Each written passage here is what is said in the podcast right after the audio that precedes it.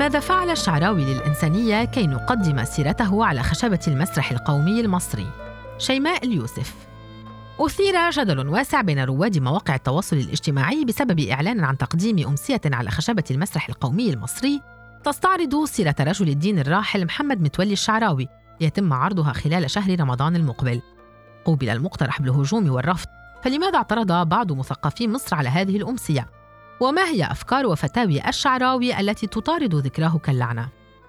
القصة بدأت عندما أعلن البيت الفني للمسرح خطته من الأعمال الرمضانية في مؤتمر صحفي وشملت الأسماء المقترحة سيرة الشيخ استشاط بعض المثقفين غضبا حيث رأوا أن تقديم سيرة الشعراوي تدعم أفكاره الرافضة للعلم والفن ما يساهم في عودة المجتمع للوراء وكان أبرزهم الكاتبة والبرلمانية فريدة الشباشي التي تقدمت بطلب إحاطة للبرلمان المصري برفض إنتاج هذا العمل لأن الشيخ سجد شاكرا عند هزيمة مصر في حرب 1967 وحرم الفن بنفسه فكيف يتم تبجيله في عمل فني؟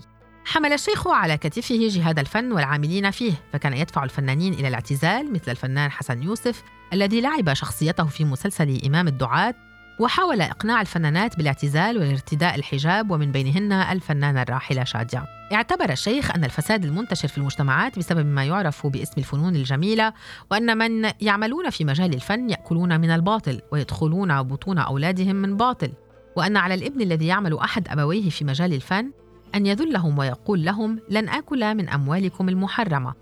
وأن الخائف من قلة الرزق ويقول إنه يعمل في الفن من أجل لقمة العيش سواء باللحن أو النغم عليه أن يترك هذا العمل وسوف يرزق سخر مريدو الشيخ من فوبيا الشعراوي الذي لا يزال في نظرهم يقض مضاجع العلمانيين بعد عقود من موته لكن السؤال الذي يطرح نفسه الآن هل الشعراوي يصلح لدراما جديدة؟ هل يريد المسرح أن يعرض آراءه في العلم والمرأة والختان وتوظيف الأموال؟ أم أن الدراما المسرحية سوف تركز على مآثره وشعبيته وكراماته فقط؟ معظم الذين يضعون صورة الشعراوي على سياراتهم خاصة التوك توك والميكروباصات لا يعرفون عن فتاوي الشيخ أي شيء ويدافعون عنه بجهالة.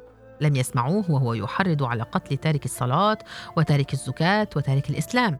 لم يسمعوه وهو يحرم الغسيل الكلوي ونقل الأعضاء لكنهم فقط يتبركون به كما يتبركون بآلاف أصحاب الأضرحة الذين لا يعرفون عنهم أي شيء البسطاء الذين سطحت عقولهم وأدمنوا الدين ورجاله.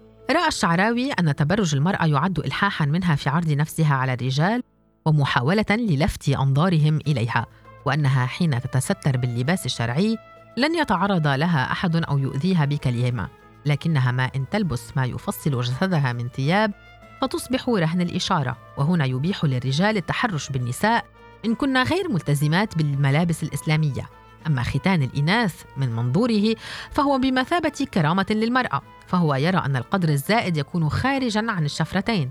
فإن كان مرتفعا وجاء الثوب عليه أو مر به أهاج شهوة المرأة وإذا هاجت شهوة المرأة جعلها تطلب الرجل فتكون هلوكا والمرأة التي لا تختن تصبح بدون كرامة أمام الرجل. وهذا يخالف العلم الذي أثبت خطورة الختان على الصحة الجنسية والجسدية والنفسية للنساء. أسأل وكل تعجب ماذا قدم الشعراوي للإنسانية حتى ندافع عنه؟ أليست كل فتاويه تستحق النقد الرفض والاعتراض؟ الرجل أفسد الاقتصاد المصري حينما حرم البنوك والاستثمار المشروع قانونا من خلال التمويل العقاري أو التأمينات أو القروض لصالح عصابة توظيف الأموال الإسلامية وتسبب في تخلف الرعاية الصحية لدى المصريين بتحريمه زراعة الأعضاء البشرية وتحريض الأبناء على عدم علاج كبار السن وتركهم للموت وعدم تعطيل لقائهم بربهم. لم يترك الشعراوي غير المسلمين في شأنهم بل كفرهم أيضا وتسبب في حدوث انقسام طائفي بين المصريين عموما. وتستغل فتاويه لنشر الكراهية وأفتى بأحقية الرجل بضرب زوجته وإهانتها دون أن يحق لها الاعتراض لأنه اطلع على عورتها وحرمان المرأة من حقها في التعليم والعمل. وروج لفكر سيد قطب عصب جماعة الإخوان الإرهابية حينما أشاد بعمق فهمه للنص الديني وأنه نجح في استخلاص الغايات التي تساعد المسلمين في الاستيلاء على بلاد الكفر حسب تعبيره وإعادة الخلافة وهنا يروج للفكر الجهادي. أتعجب ممن لديهم الجرأة لوصف الشعراوي بأنه رجل دين وسطي ومعتدل ورمز من رموز الإسلام الذي يجب الحفاظ عليه.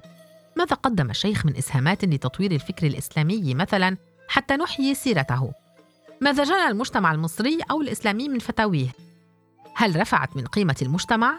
هل فكره الوسطي الذي يزعمه الكثيرون جعلنا متسامحين أو ساهم في تقدمنا اقتصادياً؟